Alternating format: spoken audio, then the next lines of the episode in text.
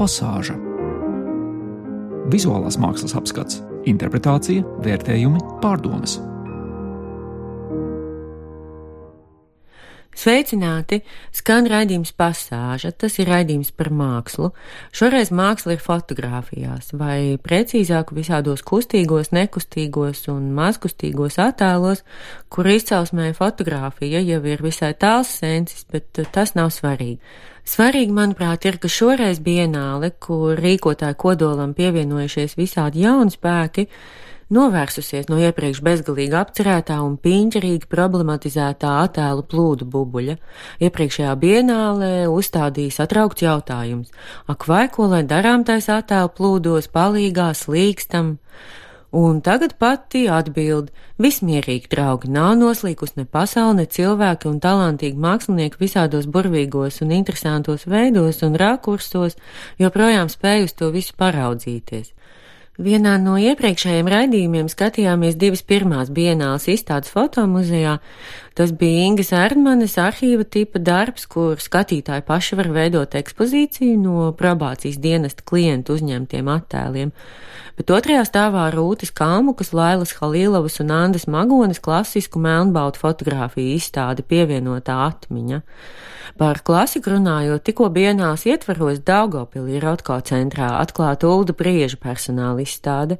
Mēģinām gan aizbraukt, dārgie klausītāji, nu kur vēl mūsdienās redzēsim labu, kārtīgu dokumentālo reportāža stilu fotografiju.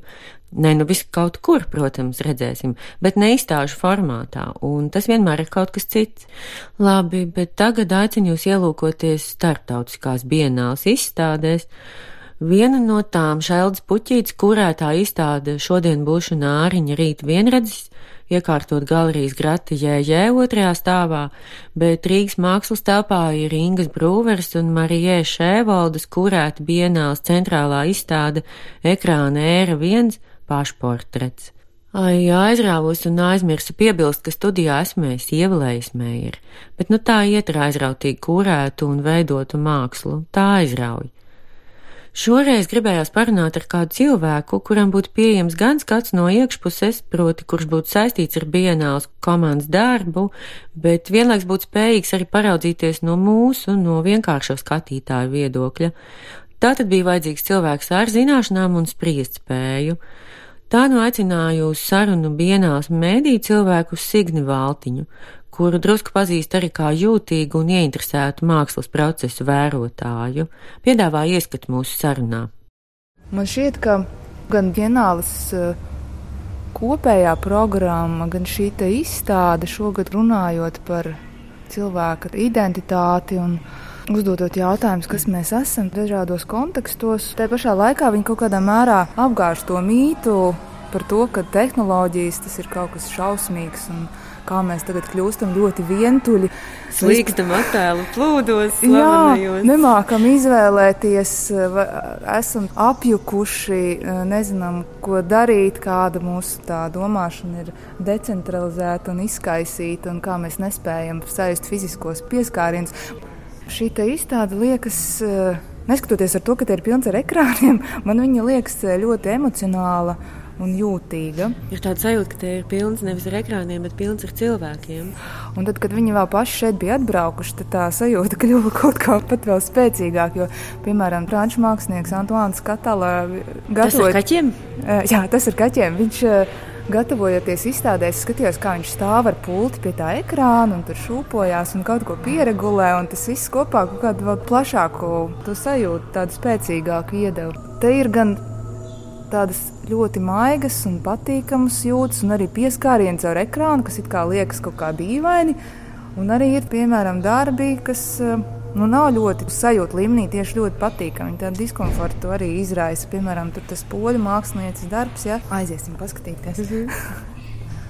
Tad, tad Anetes Greškovskas eh, darbs, viņš Nu, es pie viņa ilgi nepavadu, bet kaut kā tā diskomforta sajūta, ko viņš rada, man arī uzrunā, jo viņas video darbs attēlo dažādas ķermeņa daļas, kas ir atrautas viena no otras, bet pašas arī funkcionē kaut kādā mērā. Un, un tas man kā rosina domāt par to, kā pasaules redzējumu būvējam. Daļa ir kaut kas no veselā, un mēs daļu arī uztveram kontekstā ar kaut ko citu, bet šeit tās daļas ir izrautas no konteksta. Līdz ar to ierastai nezinu, konceptualizēšanas vai domāšanas tai schēmai tas ir tāds mazliet nu, sitiens. Tas nepatīkamais nav tas, ka tur ir konkrēti orgāni redzami, paši par sevi, bet ka viņi ir atrauti no ķermeņa. Man liekas, ka tas ir tas, kas rada diskomfortu. Jo nu, ir tas pieredums skatīties arī uz ķermeņa daļām, paša ķermeņa visā kontekstā. Varbūt tā nav problēma. It kā būtu iespēja sazināties ar savu ausi bez diagnozes. Jā, vai krūti, kas izstāsta pēc būciņas un virinās acis.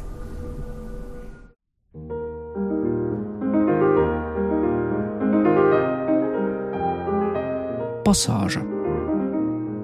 Vizuālās mākslas apskats, interpretācija, vērtējumi, pārdomas.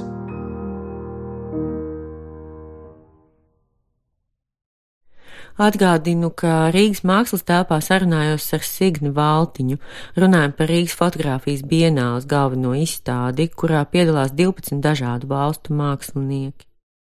Nu, šīs darbs Šarlote Tīsa Evensena, viņas darbs saucas Bērni kritienā. Tā ir video instalācija, kurā redzami divi zēni, divi pusauģi. Tur ir tāda ļoti eksistenciāla situācija. Redzama, kad eh, tu, piemēram, es tev pieskaros ar roku, un te ir viens tāds mirklis, kad tas pieskāriens var kļūt par tādu kustību, kas tevi pagrūž, vai par tādu ļoti maigu, glāstošu vai, vai, vai tādu rūpju pilnu pieskārienu. Šis ir lietuviešu mākslinieks Pols Peipers. Viņa darbi atšķirās nu, no citiem. Tādā ziņā, ka viņš arī izmanto tehnoloģijas, bet uh, tie darbi nav izstādīti uz ekrāniem, viņi nav kustīgi.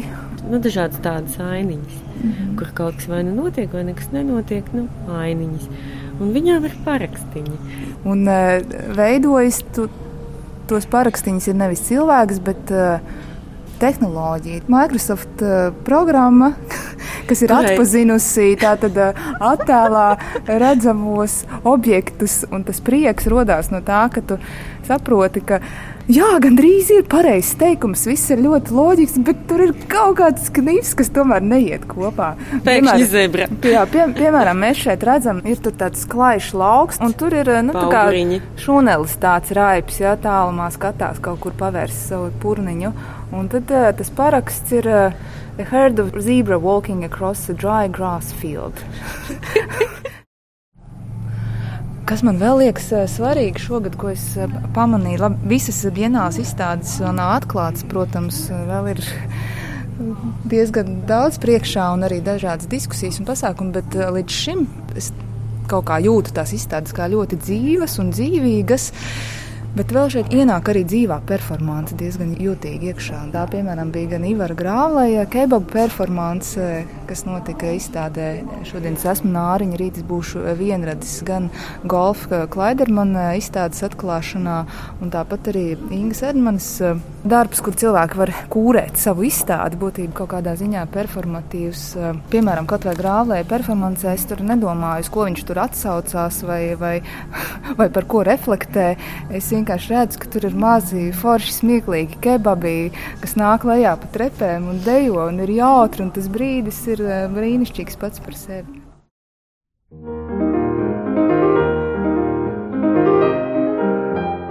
Pasāža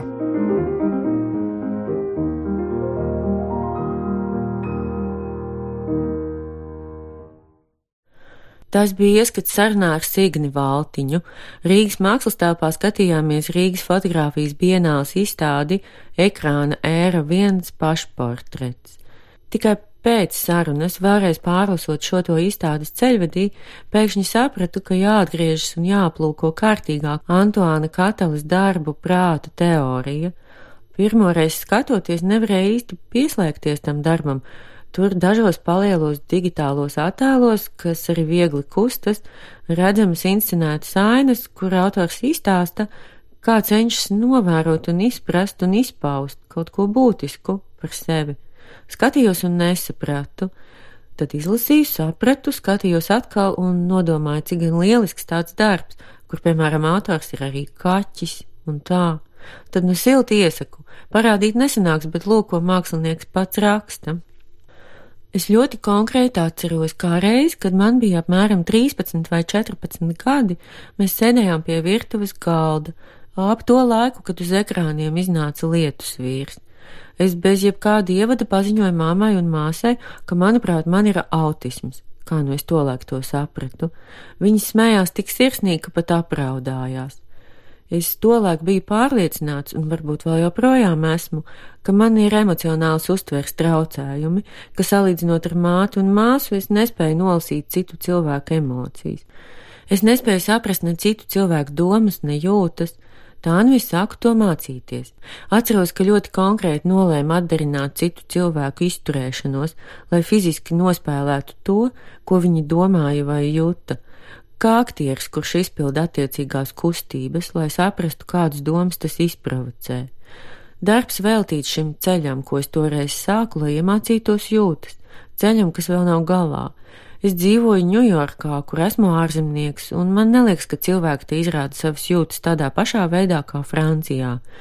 Tā ir atziņa, kam pievienojas daudz Amerikā dzīvojoši ārzemnieki es saskatu paralēlis starp sevi pusauģu gados, savu pašreizējo ārzemnieku statusu un priekšstatu, ka jaunie saziņas paradumi, kas attīstījušies lietojot tādas simbiotiskas tehnoloģijas kā viedtālruņi, dziļi ietekmē to, kā cilvēki uztver paši sevi un apkārtējo pasauli.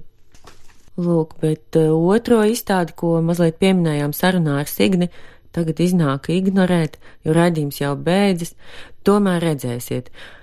Aiziesiet uz uh, galeriju Grata Jējē, kur ir tā izstāde ar brīnišķīgo nosaukumu Šodien esmu nāriņa, rīt vienredzis. Tad aiziesiet un nokļūsiet reibinošā spožā ballītē, no kuras netiksiet tik viegli laukā. Varbūt paķeriet līdz kādu bruņu vesti, varbūt divas. Īstādi nejauši skatījos vienlaikus ar kādu skolēnu grupu, un jaunieši vispār diezgan šausminājās. No tā varētu pavirši secināt, ka skolās joprojām, kā lai pasaka, māca, vai ka māksla ir skaista, vai ka mākslā ir skaistums. Nu, nezinu. Manuprāt, nāriņā un vienredzīja arī no skaistuma vienkārši nav kur glābties.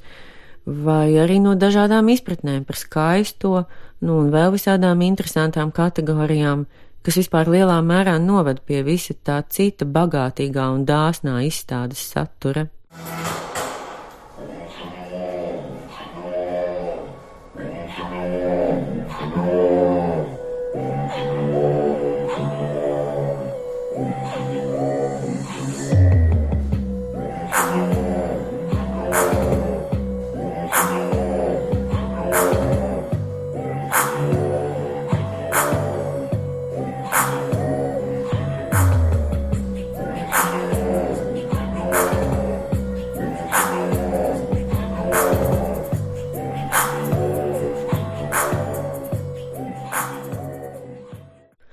Gribējās piebilst vēl par klasiku, kam gan tieši ar bienāli nav sakara, tomēr ir jauki, ka tieši divu fotofestivālu laikā iznāk visādas fotografīgas grāmatas.